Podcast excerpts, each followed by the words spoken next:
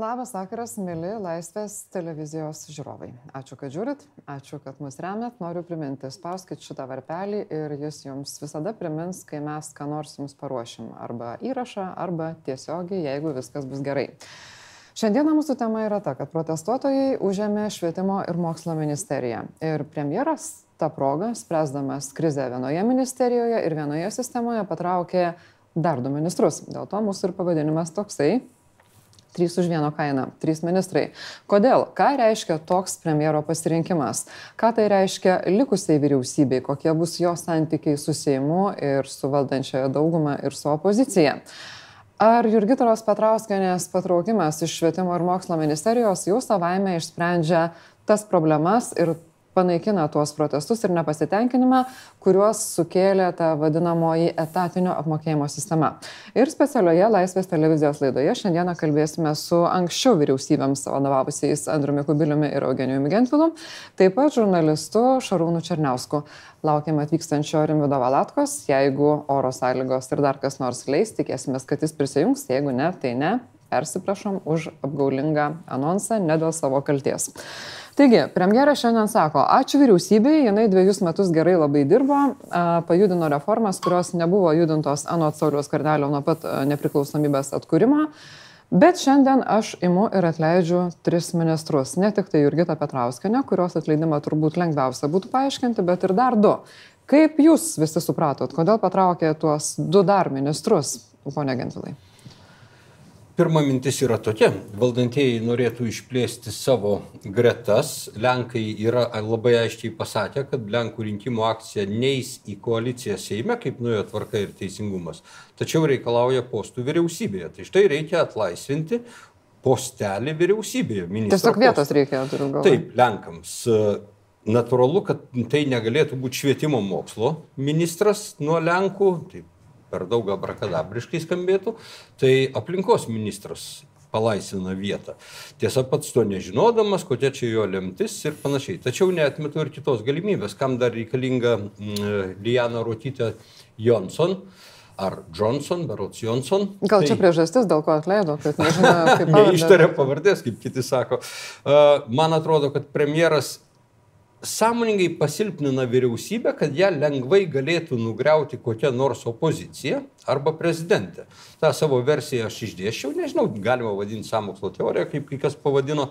Premjeras nori išeiti kaip reformatorius ir pastebėjote, jis nekritikuoja, pavyzdžiui, etatinio mokytojų darbo užmokesčio arba urėdijų reformos, nes tada koks jis reformatorius, jeigu kritikuos savo paties pasiūlytas reformas. Jis jų nekritikuoja, reikia reformatoriaus kaukę užsidėti. Antras dalykas, gerai būtų atsarginis variantas aukos kaukę. Ir štai jeigu opozicijai pavyktų išklibinti dar porą ministrų arba prezidentai išklibinti dar porą ministrų, tai lengviau negu tris ministrus išklibinti, tai jis dar vieną paslenka, kuri neduoda šitai vyriausybė jokios naudos, tai yra kultūros ministrė paslenka. Ir štai tada, pavyzdžiui, prezidentė, opozicija kimba į atlapus dar porai ministrų, vyriausybė reformatorių, vyriausybė griūna su aukos kaukia to premjeras jau yra pabandęs, tai yra krisdamas, pasitraukdamas iš vidaus reikalų ministro. Todėl galima ir tokia minčių eiga premjero galvoje. Ir paskutinis dalykas, galvoju, kaip dabar jaustis likusiam ministram, kas čia jie eksperimentiniai triušiai kažkokie šitoje vyriausybėje. Na, vienas iš jų tikrai gali būti, nes patraukus dar vieną, na, jeigu patrauks visus tris Taip. šiandien žadėtus, tai tada vyriausybė gali reikėti iš naujo pasitikrinti pasitikėjimą Seime. Labai lengvai gali tai atsitikti vyriausybės griūtis tokiu būdu. E, taigi pačių ministrų savijauta įdomi ir man atrodo, premjeras matydamas kartu su Karbauskiu, kad pradeda klibėti ir drąsiau kalbėti visokie puidokai jų frakcijoje, nekrošiai, baštienės ir taip toliau, reikia stiprinti pačią koaliciją. Tai Lenkų pritraukimas yra vienas iš svarbių motyvų. Na, jeigu kas nors norėtų paklausti, kodėlgi čia studijoje nėra kaip tik tai LVŽS atstovų, na, prašyčiau nekaltinti dėl to nieko kito, tik tai juos pačius, nes tikrai kvietėme, kvietėme ir premjerą į Laisvės televiziją. Kvietėme ir ponę Baškienę, iš kurios beje gavau atsakymą, kad frakcijos sustarimas yra toks, kad visą šitą situaciją dėl vyriausybės komentuoja tik tai frakcijos pirmininkas. Na, frakcijos pirmininkas pas mane į laidą neina, Laisvės televizija jam irgi neįtinka. Pone Kubiliau, kaip jūsų kaip uh, tiksliau jūsų galvoje, kaip buvusio premjero galvoje, susiklostė visa šita situacija. Kaip jūs vertinat ir, ir turint galvoje ir tai, ką minėjo ponas Gentvilas, kaip turėtų jaustis tie uh, likę ministrai, kurie, na, tokie irgi gali būti patraukti už nieką? Na, tai aš iš tiesų taip pabandžiau įsivaizduoti, nu, kadangi teko būti premjeru, tai atgalvoju, kokiom aplinkybėm premjeras štai elgesi taip, kaip dabar jisai elgesi. Turit galvoje, kad ryte žmonės ateina į darbą ir jiems sako, tu, tu ir tu, ačiū, ate. Tai štai, man, aš pabandžiau taip. Čia aišku, galima galvoti tokių didelių scenarijų, kad premjeras čia senai galvojo ten dėl įvairių priežasčių. Navickas dėl to, kad ten trukdė uždaryti tas e, šiukšlių deginimo elektrinės ar dar kitų priežasčių. Bet labai dažnai būna priežastys žymiai paprastesnės. Tai premjeras susidūrė su pirmu dideliu tokiu viešu išbandymu, tai yra mokytojų streikas. Na, ministrė Petrauskinė jo nesuvaldė, čia jau taip sakant, lik ir aišku, jau senai turbūt buvo paukota, bet ir premjeras, kažin ar labai išmintingai elgėsi per visą šitą situaciją ir ypač jau po to, kai, kai streikuojantis užėmė ministeriją. Tai susidūrė su tikrai didelė viešųjų ryšių krize. Na, vienas iš tokių krizių valdymo būdų yra, taip sakant, vieną problemą uh, pakeisti kitą problemą. Užmušti kitą. Ja, užmušti kitą. Visi turės apie ką kalbėti. Kad ta tema dabar... užsimirštų, mokytojai užsimirštų, vat, imam ir čia kažką padarom tokio visai kitokio. Na ir matyt kažkas, nežinau kas, gali būti, kad ir pats frakcijos seniūnas Ramūnas Karbauskis pasiūlė tokį variantą, tai tu čia atleis ne vieną ministrą, o tris ministrus iš karto.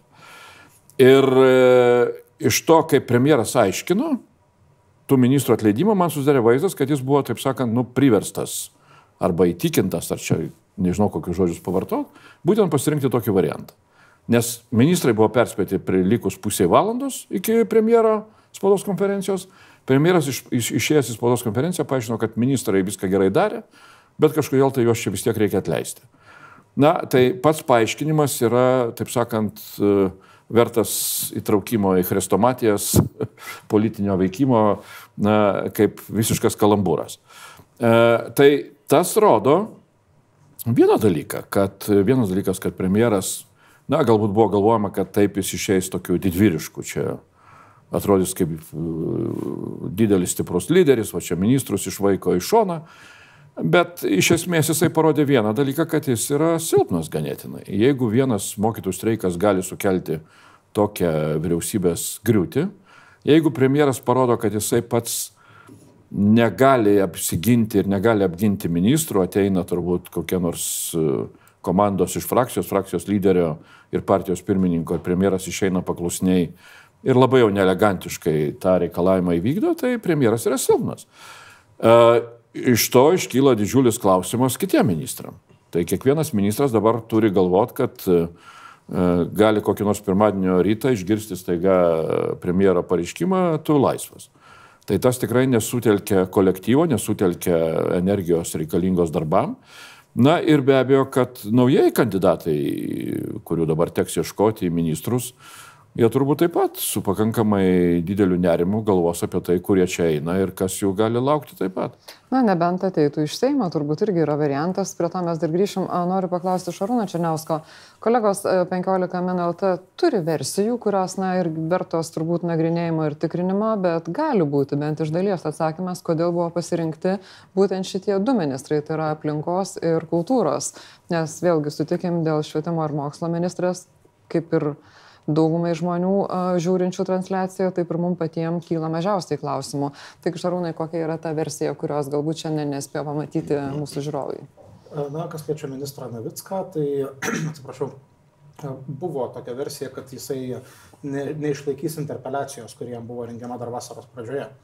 Ta, ta interpeliacija jis išlaikė, išgyveno, bet tuo metu buvo kalba tokia, kad vis dėlto pats premjeras nelabai šito ministro pasitikė.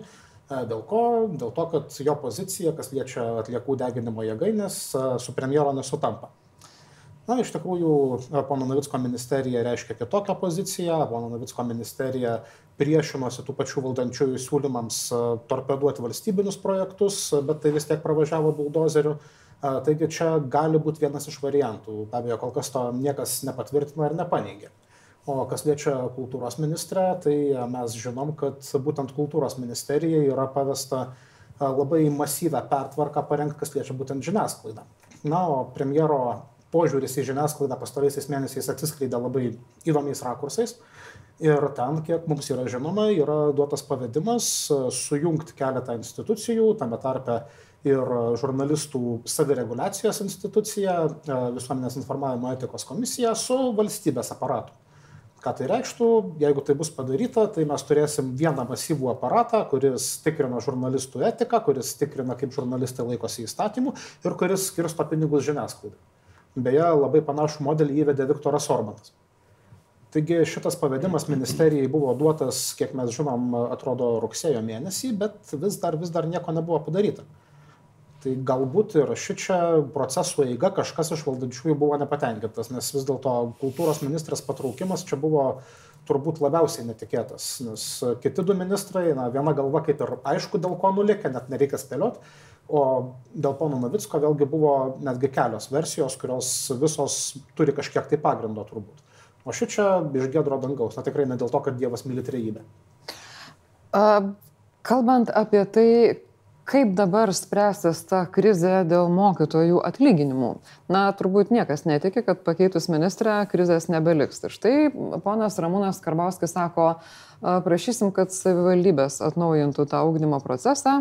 Jam sako iš kur pinigai? O sako pinigai iš ten nes sutaupėm kai mokytojai streikuoja. Ar kas nors gali paaiškinti šitą ekonominę logiką? Na, visų pirma, aš nesutinku su tuo, kad reikia spręsti dabar mokytojų atlyginimų klausimą streikų priežastis atsirado e, dėl etatinių mokytojų darbo užmokesčio įstatymo prieimimo birželio 30. Pasirašyta Liepos pradžioje, mokytojai išeina atostogauti ir visiems aišku, kad bus chaosas po jų atostogų nuo rugsėjo pradžios. Taip ir atsitiko. Reikėtų keisti tą įstatymą, jį sutvarkyti ir tada galvoti apie finansavimą. Bet aš jau kalbėjau, premjeras nori vaidinti ref sėkmingų reformų autorių ir reformos geros įstatymai geri anot premjero tik štai ministrei nepavyko. Todėl jie nenori grįžti prie to įstatymo ir pradeda kalbėti apie finansavimo padidinimą beje nuo dvidešimtųjų metų suprask po kitų seimo rinkimų.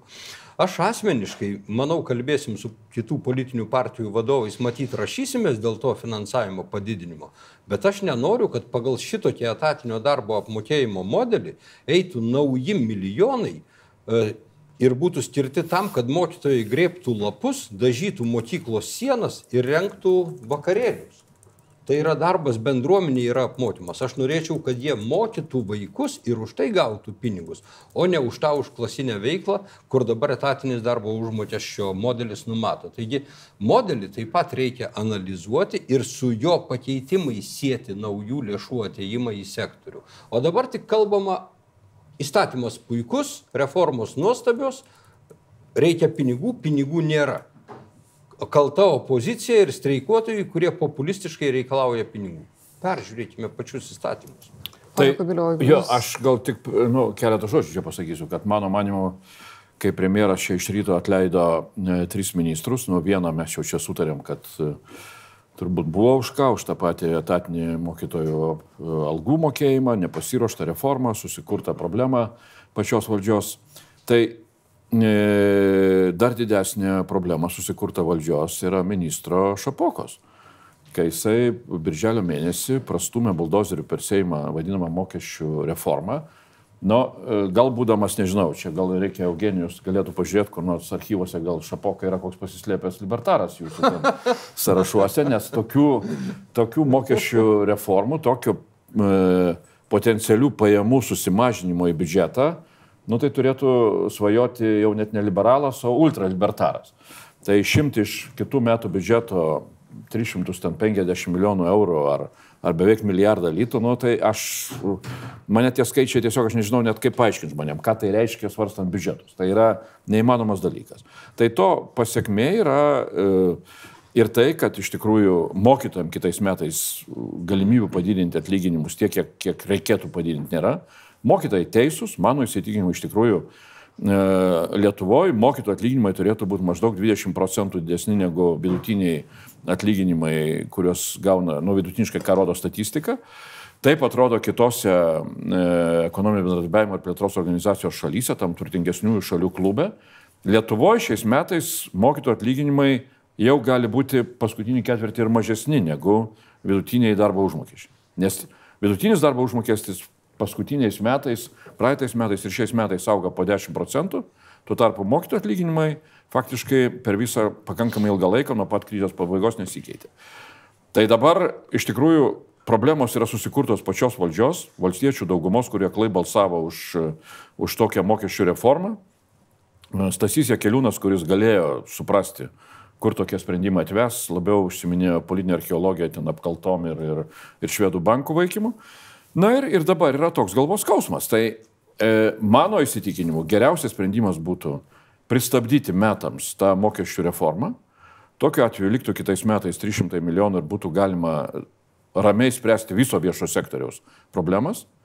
Bet aš nežinau, ar pavyks valdžioj rasti tiek sveiko proto, kad tai būtų padaryta. Jeigu ne, tai aš netmetu, matau visas, na, nu, taip sakant, didelė tikimybė, kad iš paskos mokytojų jų metodais pasieks ir kiti viešo sektoriaus darbuotojai, kultūros darbuotojai, socialiniai darbuotojai, medikai galbūt. Ir nes iš tiesų šita reforma, kuri padaryta, taip sakant, premjero ir Šapokos užsispyrimu, jinai visą viešą sektorių palieka ant bado dietos. Tai dabar vienas dalykas, kad tai yra vienas variantas e, kad sustabdyti mokesčių reformą ir ieškoti ir tokiu atveju turėti pinigų ir viešajam sektoriui savivaldybėm. Kitas variantas, jeigu paimti tik tai mokytojų atlyginimus, tai paprastas skaičiavimas rodo, kad šiandien mokytojų atlyginimų biudžetinė eilutė yra 540 milijonų eurų norint 20 procentų padidinti kitais metais atlyginimus, reikia maždaug 100-810 milijonų eurų. Vyriausybė skelbėsi, kad jinai jau yra numačiusi biudžete 49 milijonus, apie 50 milijonų. Reiškia, reikia rasti papildomų 60 milijonų. Na tai, norint ir stengiantis, manau, kad suma, kuri gali būti racionaliai svarstoma. Ir galima ieškoti Kaip tokią sumą atrasti kitų metų biudžete? Na, aš jums norėčiau ir jums, ir mūsų žiūrovams, norėčiau tuo tarpu pasakyti, ką štai Ramūnas Karbauskis kalba apie tai, kas šiandien yra didžiausia problema. Ir anot jo, didžiausia problema yra nestreikuojantis mokytojai, o be mokslo likę vaikai. Ir Ramūnas Karbauskis, cituoju naujienų agentūrą BNS, čia yra jos surašytas pranešimas, kad vyriausybė siekdama atstatyti ūkdymo procesą visų pirma tarsi su savivaldybėmis. Jisai sako, šiandien yra 16 mokyklų, kuriuose vyksta streikas ir streikuoja vienas mokytojas. Jei nevyksta to mokytojo pamokos, jis nesunkiai galėtų būti, pavaduo, pa, nesunkiai galėtų būti pavaduojamas. Na ir panašių receptų yra daugiau. Ir ta proga, kad prie mūsų prisijungė dar vienas šios dienos komentatorių, žurnalistas ir nepriklausomybės aktų signataras Rimvidas Valatka, noriu paklausti ir pono Rimvido Valatkos, kaip jūs vertinate tai, kas šiandien atsitiko vyriausybėje, kai į darbą atėjo trys ministrų kabineto nariai, sužinojo, kad yra na, kokia nors prieš paskutinė diena ir kad jau jie beveik galėtų ir nebeteiti. Tai pirma mintis buvo, kad to Lietuvoje dar nebuvo. Kad iš tiesų nebuvo, kiek aš atsimenu. Lietuvoje labai daug ko nebuvo, kas yra prie valstiečių. Ir ministerija niekada nebuvo užimta, kažkada iki ES žemdirbiai ant kelių atsistodavo. Na, bet keliai ne ministerija. Šiaip atsimenu, tai kartą yra vienas uh, Kazimieras Uoka, ar nėra bandęs nakvoti vidaus reikalų ministerijoje. Tai, tai vienas signataras pusę metų Seime nakvoja, man atrodo. Tai visokių tokių buvo, bet tokių pavienių atvejų, kad, kad būtų užimta ministerija. O ministrė šnekėtų tarsi nematydama tų žmonių, kurie ten susirinkę. Uh, Tai e, aš taip įsivaizduoju, kad skvernelis e, arba pats sugalvoja, arba jam patarė, kad šiaip tu buvai labai ryštingas žmogus. E, iš esmės tas ryštingumas pasireiškia du kart apriekė dvi valdžios moteris, tai iš pradžių Graužinėnė nukentėjo ir jis tapo ryštingu, paskui prezidentai atsakė pakankamai šiurkščią formą ir po to to ryštingumo nebuvo. Nu, čia um, Germanas Kubilius kalbėjo apie reformą, ne va tai mokesčių irgi užsis, užsispyrė, bet tai nerištingumas. Na ir reikėjo, reikėjo kažką padaryti tokio, kad maždaug užgesinsim tą problemą, kitą problemą sukurdami. Na ir sukūrė problemą, man atrodo, prezidentė šiandien labai tiksliai įvardėjo, kad nu, nepavyks šitokiu būdu nieko, nieko pasiekti, tai toks yra nu, keistas dalykas. Man toks įvaizdis ar metafora brėžiasi, kad grebliai šiaip jau m, mm, tokie mediniai, kur šieną grebdavau, nu jau Lietuvoje nebe, nebenaudojami yra seniai, bet kur tik tai skvernelis ir jo profesionalai randa kokį seną greblį, tai toks maniakiškas troškimas ant jo užlipti ir pabandyti, o gal šį kartą neduos per kaktą. Tai, Tai net, nu, toks, aišku, bandymas paties premjero išjoti e, į, į, į, ant balto arklio, bet, bet kad ir kokia ta Petrauskinė buvo ministrė, iš esmės ji negalėjo išspręsti pati tos problemos, kuri iškyla su mokytais. Jie, aišku, galėjo parodyti empatijos, e, supratimą daugiau, nes žmonių jį tarsi nematė, matė, atrodo toks įspūdis, kad tik Excelio skaičius matė, Bet šiaip tuos, tuos e, milijonus e, turi duoti premjeras ir ne tik premjeras. Mano supratimu, kad visam mokytojų kebeknį išėjo ne dėl pinigų, o dėl to, kad valstiečiai įsipareigojo išlaikyti savo rinkimo apygardose mokyklas, net jeigu ten nėra mokinių. Ir ten mokytojai moka už bileką pinigus, o tuo tarpu mokyklose, kurios rimtai dirba, nemoka net už tą. Paaiškėjo, kad gimnazijai, panevežė gimnazijai, visi mokytojai etatų neturi. Nu, reiškia, 20 metų dirbom ir, ir, neturim, ir, ir neturim etatą, tai, tai pats mokyklų sąrašas koks ir streikuot pradėjo antra turbūt pagal reitingą gimnazija. Taip. Tai turbūt bet kuris politikas susimastytų, kad kažką negerai padarėm. O dabar, nu, ne tik Karbauskis, jūs čia citavot, Skvernelis irgi šiandien kalba apie tai, kad ieškosim streiklaužių. Ir, ir tas yra, nu, toks, nu, kaip čia pasakyti, ta pirma mintis fair play, ar ne, garbingas žaidimas. Negarbingas tai yra žaidimas, bet, bet to garbingo žaidimo dviejus metus mes ir nematome.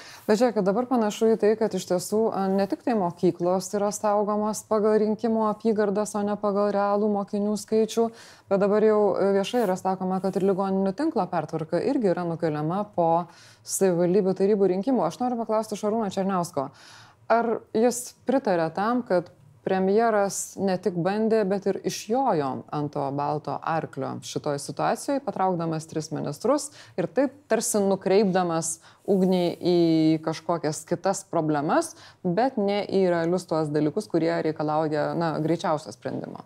Na, yra toksai pakankamai akivaizdus faktas, tauta myli kapojamas galvas. Tautai patinka, kai koks nors... Galvas ar tos, kur kapoja tas galvas?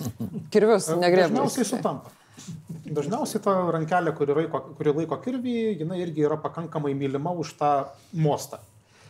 Bet šiuo atveju premjeras tas tris galvas vienu smūgiu nukirto, tik tai dviejų iš trijų variantų nesugebėjo paaiškinti.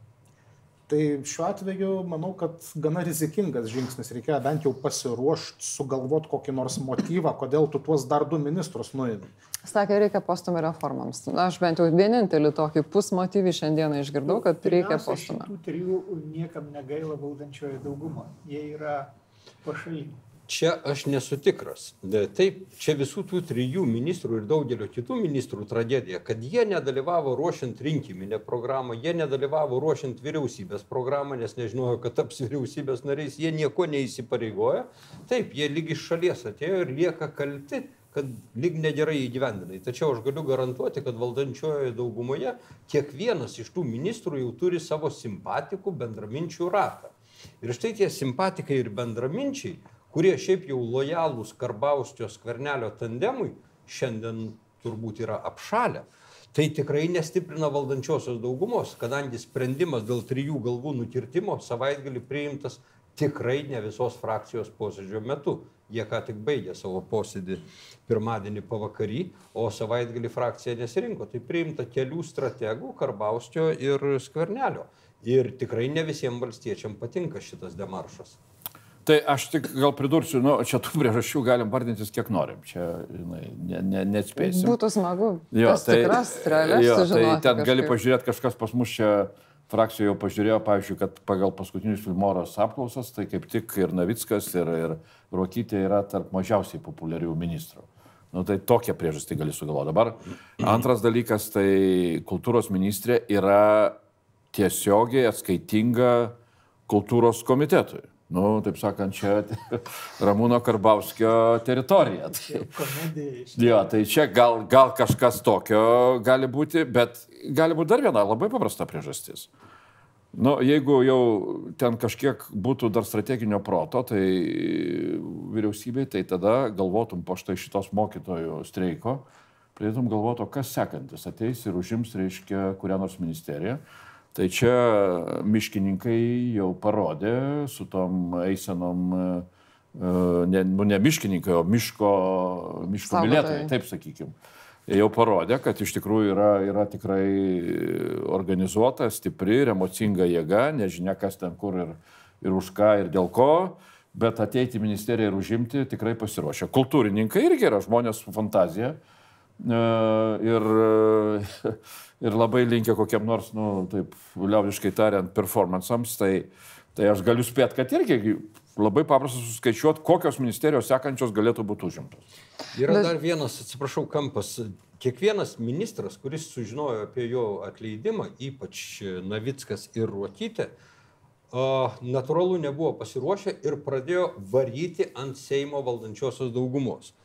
Pagyrė darbą su skverneliu, bet pasakė, štai Seime mes ten turime problemų, turėjome problemų. Tai vietoje kažkokių pozityvių sprendimų premjeras su Karbauskiu prieėmė šituos sprendimus, gauna į kaktą. Na, dar vienas greblis.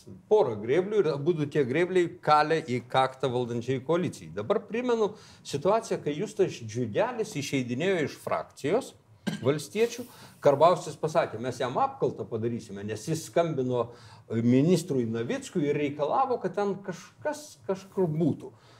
O dabar kam turėtų būti apkalta po Navicko žodžių, kad jam buvo peršama įdarbinti Aleksandrą Spruogį ministerijoje ir Remigijų Ačą ir jis pasipriešino tam. Už tai jis dabar kenčia. Karbauskis ieškos tų asmenų, kurie siekia įdarbinti Ačą ir Spruodį, ar ne? Jeigu jis pats siekia, tai... O jeigu pats, tai žinoma, tada apkaltos nebus. Tai žiūrėkit, jūs galite klausimą, kad e, gali būti tik tai laiko klausimas, kol kažkas pagalvos, aha, reikia ir tą ministeriją užimti ir tada pakeisime ministrą. Mhm. Bet ir beje, jūs niekaip negalite atsitraukti nuo to žemės ūkio padargų, tai greblys, tai kirvis, tai dar kažkas. Bet bet kokiu atveju, kol tebėra nukirstos tos trys galvos ir netauga naujos, na kaip ir nėra prasmės pasikinkus e, baltą arba kitokios spalvos šyvą kumelę, rogutėmis šliuošti į bet kokią ministeriją, o ypač ne į vieną iš tų trijų. Jau yra minimų viešoje erdvėje kandidatų, kas gali pakeisti ir e, ponę Rokytę Johnson, ir Kestutį Navicką, na ir Jurgita Petrauskenė. Ir Eugenijos Jovaiša pasakė, kad jisai, jeigu reikėtų, prisimtų atsakomybę ir jeigu būtų toks pasiūlymas, jisai svarstytų ir matyt, kad jau aukotųsi dėl to švietimo ir mokslo. Tai beje, garbingas poelgis. Jis stumė tą reformą net labiau negu ministrė ir jis prisima atsakomybę už ar gera ar bloga ta reforma. Jis mano, kad gera. Na, pagal tokią pat tada steką kultūros komiteto pirmininkas galėtų eiti ir vadovauti kultūros ministerijai. Ar tikitės kas nors, kad taip gali nutikti? Pone Valatka, pone Kubiliau? E, antro varianto nesitikiu. Nu, pirmas variantas turbūt labiausiai jo vaišos pavardė ir šmėkščioje erdvėje. Bet aš nesureikmi, nesureikšminčiau dabar, nu, yra visokių svarstymų, buvo ir penktadienį, ir šeštadienį, kad ateis blogesnis už Petrauskenę, bet man atrodo, Elžbieta Banytė yra tokia jauna, smart pedagogė ir pasakė, nu, negalima kesti blogio, galvojant, kad ateis dar blogesnis, su blogiu reikia susitvarkyti su tuo, kas yra. Tai iš esmės bet kuris, tarkim, ateis į švietimo ir mokslo ministeriją vadovauti, problema lieka ta pati, mokytojai lieka ir streikas gali išsiplėsti, ypač streiką gali išplėsti bandymas ieškoti streiklaužių, nes tai jau būtų mokytojų prievartavimas e, vidu, e, šviesią dieną gatvėje, e, stebint, nu, nepraeiviams, o Seimo daugumai. Tai Tai man atrodo, kad tada streikas tik tai padidėtų, jeigu jie bandytų sujungti mokyklas, kaip Skvernelis sakė, kad čia nebūtų. Tai, tai turbūt esmė yra, man atrodo, kad ponas Kubilius šiandien ir pasakė, čia yra Skvernelis. Skvernelis dabar pakabintas už Skvernelių yra. Ir ką, ir, prasme, ir ką jis ten be pastatytų, kas ten besėdėtų, iš esmės, na, man atrodo, jie kenks Skverneliui toliau. Beje, aš norėčiau tik tai pasakyti, kad jau buvo paminėta pane Elžbieta Benytė, lituanistė ir vertėja iš e, įvairių kalbų, skaitant senąją graikų, turbūt irgi. E, šiuo metu, kai mes kalbamės, jį pranešė, kad mokytojus krapšto lauk iš ministerijos yra duota laiko pasitraukti, jeigu ne, sako Elžbieta, žada būti kviečiama policija. Taigi panašu, kad krizė patraukus ministrę tikrai nepasibaigė ir na, nežinia, kuo jinai baigsis, baigsim. Pasakė, kad alternatyva policiniai valstybė yra kriminalinė. Tai, tai kad nebūtų kriminalo, tai iš, iškrapštys su policijos tai, pagalba. Na, aš tikrai čia nežinau net kaip vertinti matyčiau premjero ir, ir, ir, ir, ir Karbauskio apsisprendimas, kad reikia parodyti jėgą, nes dabar atrodo silpnai. Dabar atrodo silpnai, dabar parodysim jėgą. Nu, vo. Jo, mes vat, esam tokie. E, aš manau, kad tas tik gilins krizę ir todėl šiandien svarstyti ministrų klausimą, man atrodo, yra gerokai per anksti.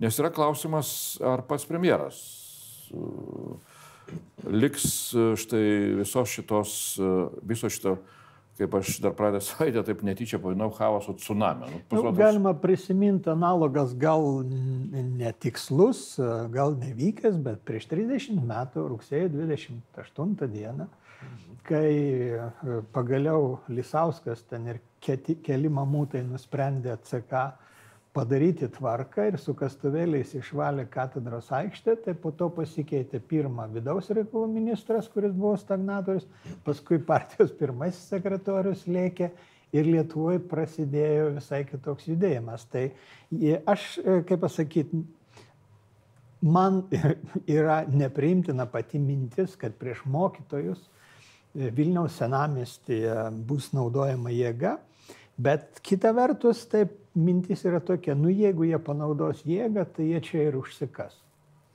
Jeigu dar galbūt e, sunku kalbėti apie konkrečias kandidatūras, kas gali pakeisti visus tris ministrus, tačiau tikrai turbūt yra laikas kalbėti apie tai, kad mes dabar skiname rezultatus to, kas buvo vadinama profesionalai politikoje. Tai yra žmonės, kurie nėra politinių partijų atstovai.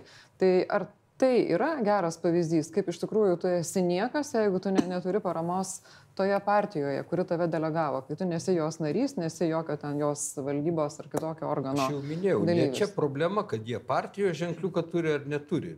Jie visiškai nedalyvavo formuojant ideologiją. Na, nei partijos, padėjo ten. Nei rinkiminė ideologiją jie dalyvavo formuojant, nei vyriausybės programą.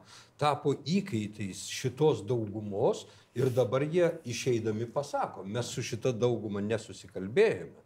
Bet ar jie galėjo susikalbėti? Aš pamenu savo paties replikas tvirtinant šitą vyriausybę, pasakydamas, čia jų problema jie niekaip nedalyvavo formuojant rinkiminę programą ir vyriausybės programą. Gal jie yra tikrai geri specialistai savose sferose, bet čia reikia politikos profesionalų. Atsitiktiniai žmonės. Kažkada senais laikais, prieš šimtą ar daugiau metų, buvo tokia pareigybė redakcijai ZITS redaktorius. Tai yra tas, kuris eidavo sėsti kalėjimą, jeigu cenzūra ką nors rasdavo ką pridirbdavau, tai pridirbdavau tikras redaktorius, o tas eidavau pasėdėti, reiškia, arba baudą sumokėti. Tai Na tai visi šitie ministrai iš esmės, ar Rokytė, ar Petrauskinė, ar Navickas, na ir dar keli turbūt, tai jie iš esmės, nu, viršininkai, ar net tu valdai ministeriją, bet realiai tu nieko kaip ministras negali, nes tu neturi ten daugumos tikros. Jeigu tu darytum kaip profesionalas, iš tikrųjų kaip profesionalas, tai tau neleistų to daryti. Tai aš tik tai čia pridurčiau, kad Rimvidas užsiminė apie atsitiktinumą, aš visai atsitiktinai kažkaip radau netyčia, man kompiuteris išmetė mano praeitų metų tekstą. Pačioj pradžioje, jau, nu, pradėjus dirbti vyriausybėje, kažkur pavasaris 18 metų, ir tekstas vadinosi atsitiktinė vyriausybė, atsitiktinė darbai, atsitiktinė rezultatai. Aha, atsitiktinai išmetė tekstą. Jo, jo atsitiktinai. Viskas atsitiktinai. Bet, nu, iš esmės, iš tikrųjų, tą ir matom, tai kai ką pavyko pusiau atsitiktinai ir neblogų dalykų padaryti ten, ar, ar geležinkelius, ar, ar, ar, ar tą pačią miškų reformą valdymo. Bet e, iš esmės, nu, viso to vėlgi, čia net ne profesionalų vyriausybės jau klausimas yra, o pasiekmė to, kas Europoje ir vakaruose yra vadinama nu, tokio nusivylusių rinkėjų revoliucijos rezultatas. Kas įvyko 16 metų rinkimuose, tai mes matėm tą ir, ir, ir, ir ten Trumpo pergalė Junktinėse valstijose, ir Brexitas, ir Italija, čia gali daug vardinti pavyzdžių.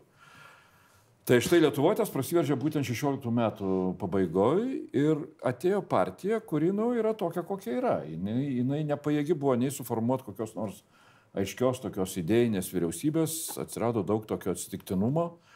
Tai va štai to, to rezultatą šiandien ir matom, tas chaoso tsunamis jis tik tai didėja. Ir e, kažko čia dėja, kažko tokio pasigodžiančio savo pasakyti, kad na, čia dabar kas nors įvyks, koks nors virsmas ir bus sekantis du metai šviesesni ir geresni, nėra kaip. Reiškia, klausimas yra vienintelis, kaip štai šitokiam aplinkybėm, su tokiu Seimu, su tokia dauguma, nu, patirti kiek galima mažiau nuostolių. Iš tikrųjų, likimo ironija, galima sakyti, nes tie trys žmonės, kurie šiandien buvo nušienauti, dar vienas žemės ūkio padargas, dalgelis. Plūgo dar nepanaudojom šiandien. Plūgas jau kurį laiką. Tie trys žmonės vis dėlto jie atitiko tą koncepciją profesionalų vyriausybės. Tai buvo žmonės iš savo sektorių, kurie tą sektorių išmano, kurie kaip ir yra specialistai ir dabar šnaidalgeliu ir nebėra. Bet grįžtant prie mokytojų streiko, mane iš tikrųjų labai glumino e, vyriausybės komunikacija ir pavadinsiu atvirai bandymai diskredituoti tą reiškinį, bandymai pažeminti streiko organizatorius. Mes ką matėm, juos kaltino politikavimu, pokštą ant ministrės kabineto durų prilygino kažkokiai tai provokacijai ar vos nenusikaltimui. Buvo bandymas paleisti viešąją erdvę informaciją apie tai, kiek streikuojančių mokyklų vadovų priklauso ar priklausė partijoms, Partija, įskaitant ja. neegzistuojančias partijas, kuriuose jie buvo prieš dešimt ar daugiau metų. Tai yra iš tikrųjų siaubinga, tai yra purvina komunikacija, tai yra bandymas ištepti tuos žmonės, tai yra žemi metodai. Aš labai tikiuosi, kad nepamatysim pro ministerijos duris policininkų nešamų pedagogų, nes vis dėlto, kai policininkai neša gražulį ir kai neša mokytoją, tai yra du skirtingi vaizdai. Labai skirtingi. Bet jeigu tai įvyks, tai bus totali katastrofa. Bet vis dėlto, matant tą komunikaciją, matant tuos bandymus nešvariai susidoroti su šituo streiku, vis dėlto aš neatmeščiau radikalių scenarijų. Na ir vėlgi, kol mes kalbamės, švietimo ir mokslo ministerijoje miegantiems mokytojams kancleris pažadėjo per naktį jų neišvaryti. Ir mūsų na, korespondentė nuo ministerijos Elžbieta Banytė, leidžiu savo ją taip vadinti, nors iš tiesų jį praneša ne tik tai man, jį praneša visiems, kas seka jos paskirą, sako, į vidų nuėjo Aušra Marlykienė. Žiūrėsim, kas bus ryt. Tikrai žiūrėsim. Aš dėkoju Andriui Kubiliui, Eugenijui Gentvilui, Šarūnui Černiauskui ir Rimvidui Balatkai. Dėkoju visiems tiems, kas žiūri ir visiems tiems, kas leidžia kurti mums šitas laidas. Ačiū ir iki.